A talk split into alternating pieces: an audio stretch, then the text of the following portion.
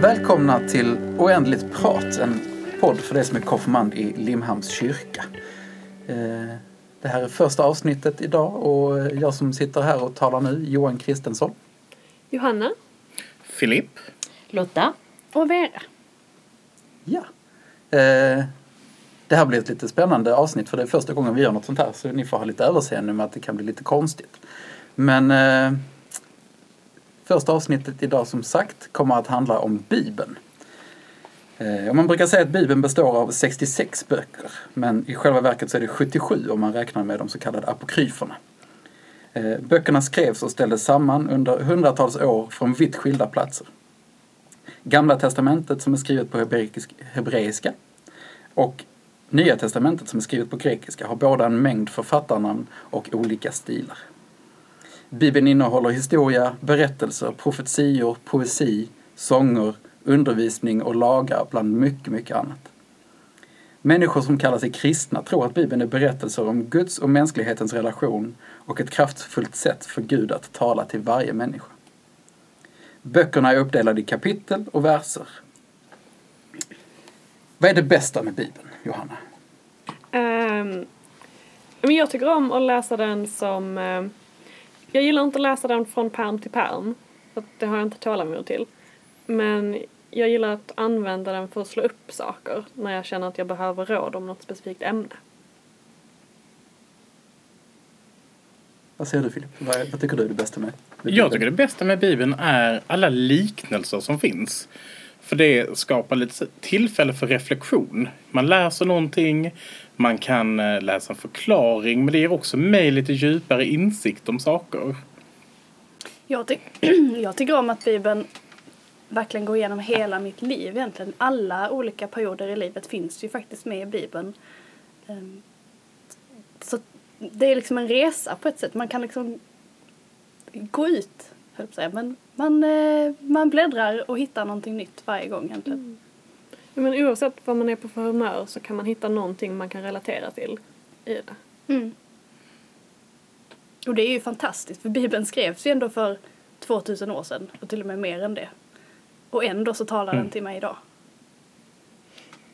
Man kan ju sätta in den, eh, tänker jag, till eh, sin egen, eh, ja, sin egen tid nu, där jag är här och nu, och läsa en bibeltext och tänka liksom, hur kan jag koppla det till mitt liv idag? Det tycker jag är rätt spännande.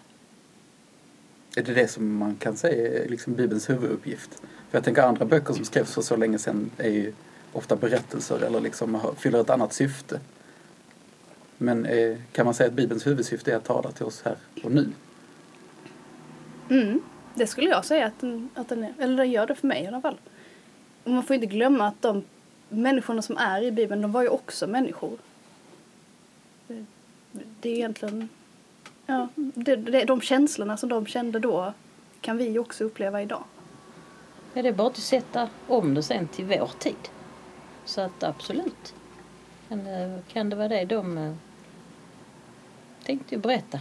De berättar ju för, börjar med berättandet innan de skrev ner. Och sen så för att kunna föra vidare så att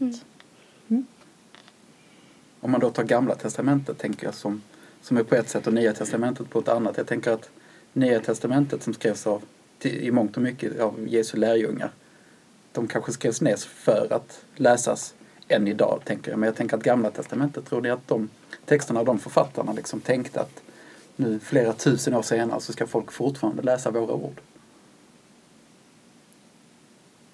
Alltså jag tänker att de flesta berättelserna i Gamla Testamentet var ju sådana som man berättade runt lägerelden. Att man ville ju förstå. Till exempel skapelseberättelserna var ju ett sätt att försöka förklara varför jorden kom till. Alltså, Hur kommer det sig att vi har fåglar? Jo, för att. Och så var det någon som berättade om det. Och jag kan tänka mig att när det liksom har funnits tusentals olika versioner av de här berättelserna så kanske någon till slut säger "Ja, men jag tror att vi behöver skriva ner det här för att vi ska kunna komma ihåg det. Men jag tror inte att, att de som väl skrev ner det tänkte att vi ska sitta här 2000 år senare, eller till och med mer, jag tror det är 5000 i vissa texter. Att, de ska, att vi ska sitta och läsa dem idag. Det tror jag nog inte någon hade tänkt. Och jag tycker det är det som är tjusningen med Gamla Testamentet. Att de inte kanske var avsedda för att lära oss någonting i framtiden utan det var ett, ett eh, ögonblick där och då. Då valde man nu skriver ner dem. Men det är fortfarande det här, det ger ju någonting att läsa dem och tolka dem idag också utifrån mitt ögonblick där jag är. Det är därför jag tycker de är så fantastiska. Mm. Ja, jag håller helt med. Jag älskar Gamla Testamentet eh, och Nya Testamentet, men framförallt Gamla. Det händer så mycket i Gamla Testamentet. Eh, Och det sträcker sig under en lång period. Det är fantastiskt roligt.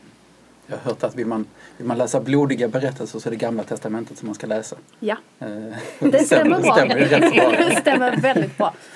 Jag tänkte det, du, du nämnde de två skapelseberättelserna. Mm. Eh, leder mig osökt vidare till, till en annan fråga som, som jag har nedskriven här. Tror, tror du på allt som står i Bibeln? Kan man tro på allt som står i Bibeln? Kan kan man väl. Eh, jag tror inte på allt som står i Bibeln. Jag tänker att det är, som jag sa innan, att det är en berättelse. Alltså att man har berättat det för att kunna förklara saker.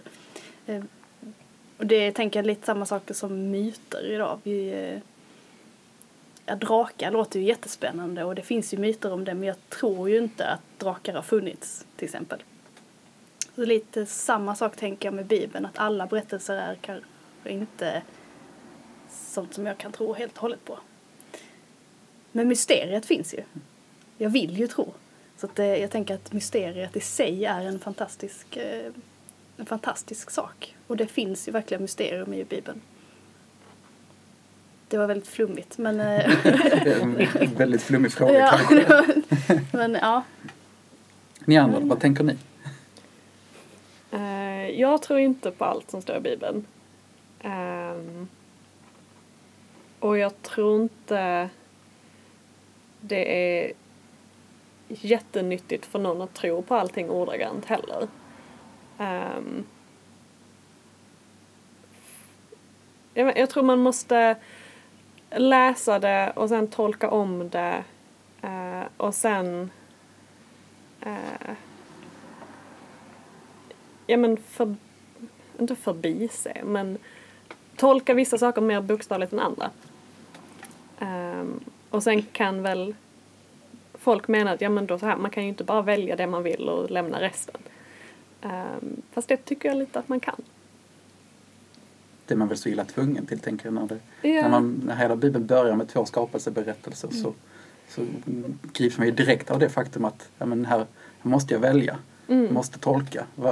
Och, och det tänker jag också handlar om, om hela Bibeln. att eh, Vad är det viktiga jag läser? Är det viktigaste att, att jag läser skapelseberättelsen så som den är och tror på, på, på all, alla ord som står i den följden? Eller vad är liksom essensen i den berättelsen? Mm. Jag tänker skapelseberättelsen handlar om att det är Gud som skapar jorden. Eh, och inte hur han eller hur hen nödvändigtvis går tillväga. Eh, det viktiga är inte att Gud skapade jorden på sju dagar och först skapade eh, separerade vatten från vatten och sådär. Utan essensen någonstans i hela berättelsen handlar om att Gud skapar världen. Mm. Och det tror jag går att applicera på, på hela Bibeln. Att jag behöver inte tro på, på alltings fakticitet, alltså att allting faktiskt har hänt. Utan att man läser berättelsen, tolkar det och funderar kring men vad, vad är det egentligen den här berättelsen vill säga till mig? Mm. Men jag håller med, helt med dig. Eh, men jag tror också att där finns en ganska stor spännvidd mellan olika kristna. Ehm, för jag har i religionslära har både pratat med och läst om eh, kristna som är allt från tolka det precis som du vill till tro på varandra ord bokstavligt. Ehm, och det blir väldigt olika även om man tillhör samma religion så blir eh, en syn på det mesta ganska annorlunda då. Nej, men jag, jag måste flika in här för jag håller verkligen med som ni säger där att man måste ju kanske har ett litet öppet sinne när man läser Bibeln. Men för mig så är det inte viktigt om det är sant eller inte det som står där utan det är återigen det här budskapet. Vad kan jag ta till mig? Vad kan jag lära mig? Och det tänker jag också med andra böcker. Det är det som fängslar mig när jag läser en bok. Det är kanske beskrivningar som jag känner igen mig. Jag förstår situationen. Jag kan tänka in mig. Hur tänkte de här personerna? Det ger mig någonting i det vardagliga. Sen om det var sant eller inte hade hänt på riktigt. Det kanske inte var det som är så viktigt för mig. Men jag tror också det här att jag kanske inte heller, å andra sidan, ska tro att allting är sant. För då blir det också farligt att då har jag bara en källa som jag säger här, det här är sanningen. Och det kan också bli farligt för då har jag ingen egen tolkning. Vad skiljer Bibeln från andra böcker? Nej men jag tänker nog att det inte skiljer jättemycket från andra böcker. Um, om man rent liksom det här berättandet. För jag kan känna igen mig mycket i andra böcker. Mm. Hur jag kan mål, få bild, inre bilder uppmålade när jag läser Bibeln. Och jag kan känna in mig, leva mig in i de personerna. Um, men jag kan också det här klokskap. Och det tänker jag också finns det andra böcker. Att det finns någon som vill mer kanske skriva där man lär ut någonting. Utan att det behöver vara fakta. Utan det moraliska kommer in sådär. Och det tänker jag också att det generellt med, med många böcker att det, jag tänker ofta att många författare vill ju säga någonting med sin bok mer än att bara berätta berättelsen. Där är någonting som ligger djupare. Alltså att det finns någon, någon sensmoral eller så. Och på samma sätt tänker jag att det är med Bibeln. Liksom. Att det, det är inte bara själva berättelsen utan det som ligger bakom också. Ja, vi pratar om det då. Vilken bibelperson tycker ni är den mest spännande? Jag tycker om Herodes. Jag tycker han är... Jag, jag skulle vilja läsa än mer än vad man kan göra. Alltså riktigt grotta mig ner i Herodes. På vilket sätt är han mest spännande? Då?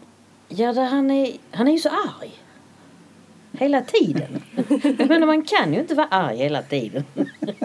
så nej, men skulle, ja, så jag, jag kan inte förklara direkt, men alltså Herodes har fastnat hos mig. Jag kan inte säga varför mer än intresset av varför han är så förbenat arg.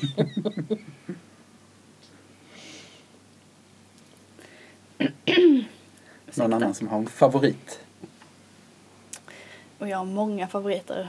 Får inte välja Jesus. Nej. Där sprack det. Får man säga Judas? Det får man. Ja.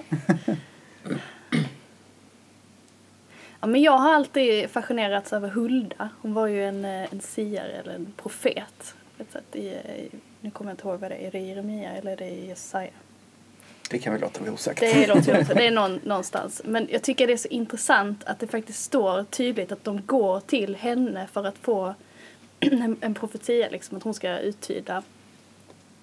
Eh, och att det faktiskt är, det var så viktigt för dem att skriva att det var en kvinna och det var Hulda. Alltså det måste ju ha funnits hur mycket profeter som helst, men att de väljer att gå just till henne. Jag vill liksom veta mer om henne, jag tycker hon är så himla spännande. Hon är bara med i några verser tror jag. Eh, Men ändå är hon så himla viktig att de, att de måste skriva henne vid namn och lyfta fram henne. För det kan man ju säga generellt om Bibeln att de är inte jätteduktiga på att namnge kvinnor. Nej, de är ganska dåliga på det. Ja. Väldigt dåliga. Medan männen namnges titt som tätt och har ju stora och långa släktträd där det är eh, dens son och dens son och dens son och inte så mycket döttrar eller kvinnor.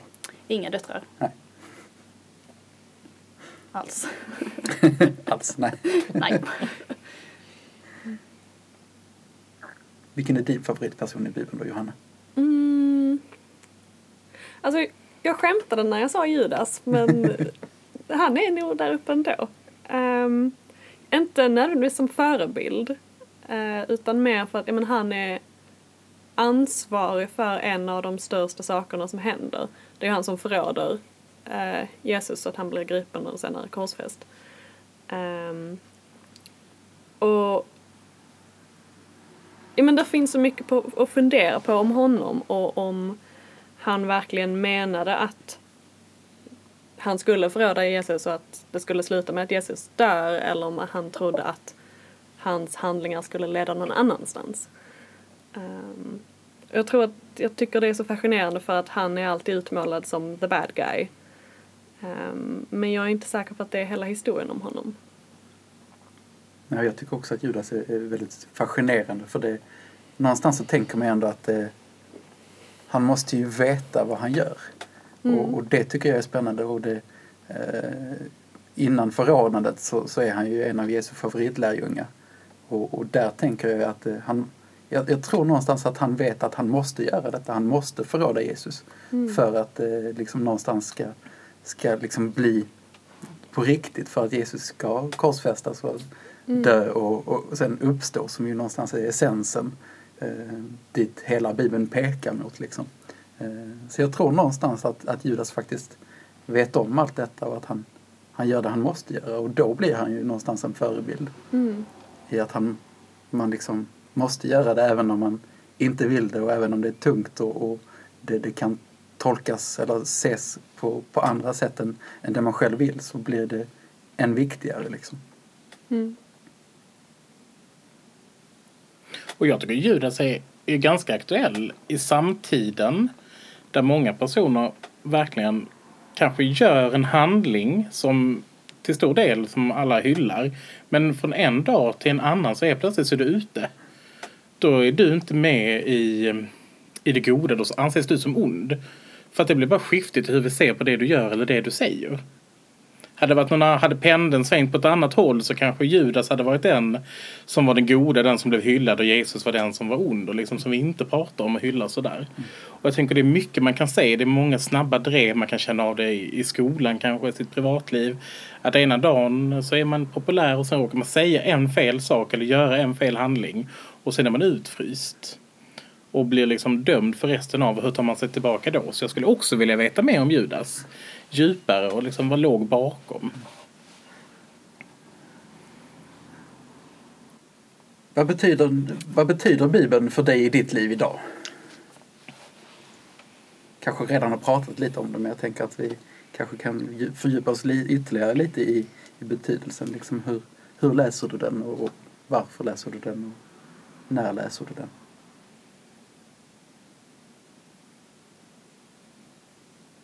Jo, men jag läser den, som jag sa lite innan, att när jag har eh, när jag stött på ett problem eller eh, känner att jag behöver råd av något slag så brukar jag eh, slå upp bibelord om specifika ämnen. Eh, för att få ja, men ett annat perspektiv på det. Och Bibeln handlar ju om mäns- människor och där kan jag känna att trots att den är skriven för så länge sedan så kan jag fortfarande ofta relatera till det som är skrivet där. Inte alltid, men förvånansvärt ofta. Mm. Jag brukar använda mig av Saltaren. Det ju, finns ju i Gamla Testamentet där det är eh, lovsånger och klagosalmer och, som människor har skrivit till Gud. Eh, där brukar jag kunna hitta väldigt mycket, lite som du Johanna, att man liksom ja, men saker som passar in på mitt liv. När jag behöver någonting så kan man, kan man gå in där och, och hitta eh, styrka eller tröst. Lite beroende på vad jag behöver just då. Och det kan man också använda till, till bön. Till att man kan- be de här salta salmerna. Eller bara läsa stycken. Man kan ju ha det som nästan som en uppslagsbok då. Att Mm. leta reda på någonting. Som man... Ett livslexikon. Ja, ja, ja livslexikon. Absolut. Jag har åtagit mig uppgiften att försöka läsa hela Bibeln och då har jag kommit fram till att om man, om man läser 15 minuter varje dag så har man läst hela Bibeln på ett år ungefär. Eh, Så det tänker jag att det ska, jag- ska jag börja med. Okej. Eh, Men utöver det så tänker jag också att ibland så tänker, sitter jag liksom hemma på min, min kammare och funderar över någonting och liksom i ren desperation så bara tar jag Bibeln och så slår jag upp den på måfå. Eh, och, och ofta då så hamnar jag på ställen som faktiskt har någonting att säga till mig. Eh, och det är liksom, det tycker jag är väldigt, väldigt spännande med Bibeln att, att man bara tar den och slår upp den på, på helt valfritt, valfritt ställe. Och så kan den ändå bara gripa tag i en. Det, det tycker jag är sjukt häftigt. Mm. Mm. Ja, det är ju fantastiskt. Någon som har någonting mer de vill säga? Tillägga? Annars klipper jag bort det här. Bort Tystnaden. tystnaden. Ni ska ju faktiskt eh, få en liten uppgift av oss. Ni ska baka faktiskt enligt Bibeln. Ja, just det. Ja. Så det, Det kanske jag inte skulle säga nu, men det jo, gjorde jag. det kan du göra ändå, men det, de får inte Annars- reda på mer än uppgiften. Nej, så ni, ännu en anledning att använda Bibeln. Baka. Man får muffins. Eller är det sockerkaka? Det skulle Spoilers! Eller är det brownies eller är det... Klipp bort detta. Nej, Glasstårta. Nej. Glasstårta, ja. det får ni se helt enkelt. Pizza. Men då var vi klara. Vi tackar så hemskt mycket för att ni har lyssnat på Oändligt prat avsnitt 1 som handlat om Bibeln. Eh, Vi hörs igen om en vecka förhoppningsvis. Så tackar vi nu. Hej då! Hej då! Hej då! Tack!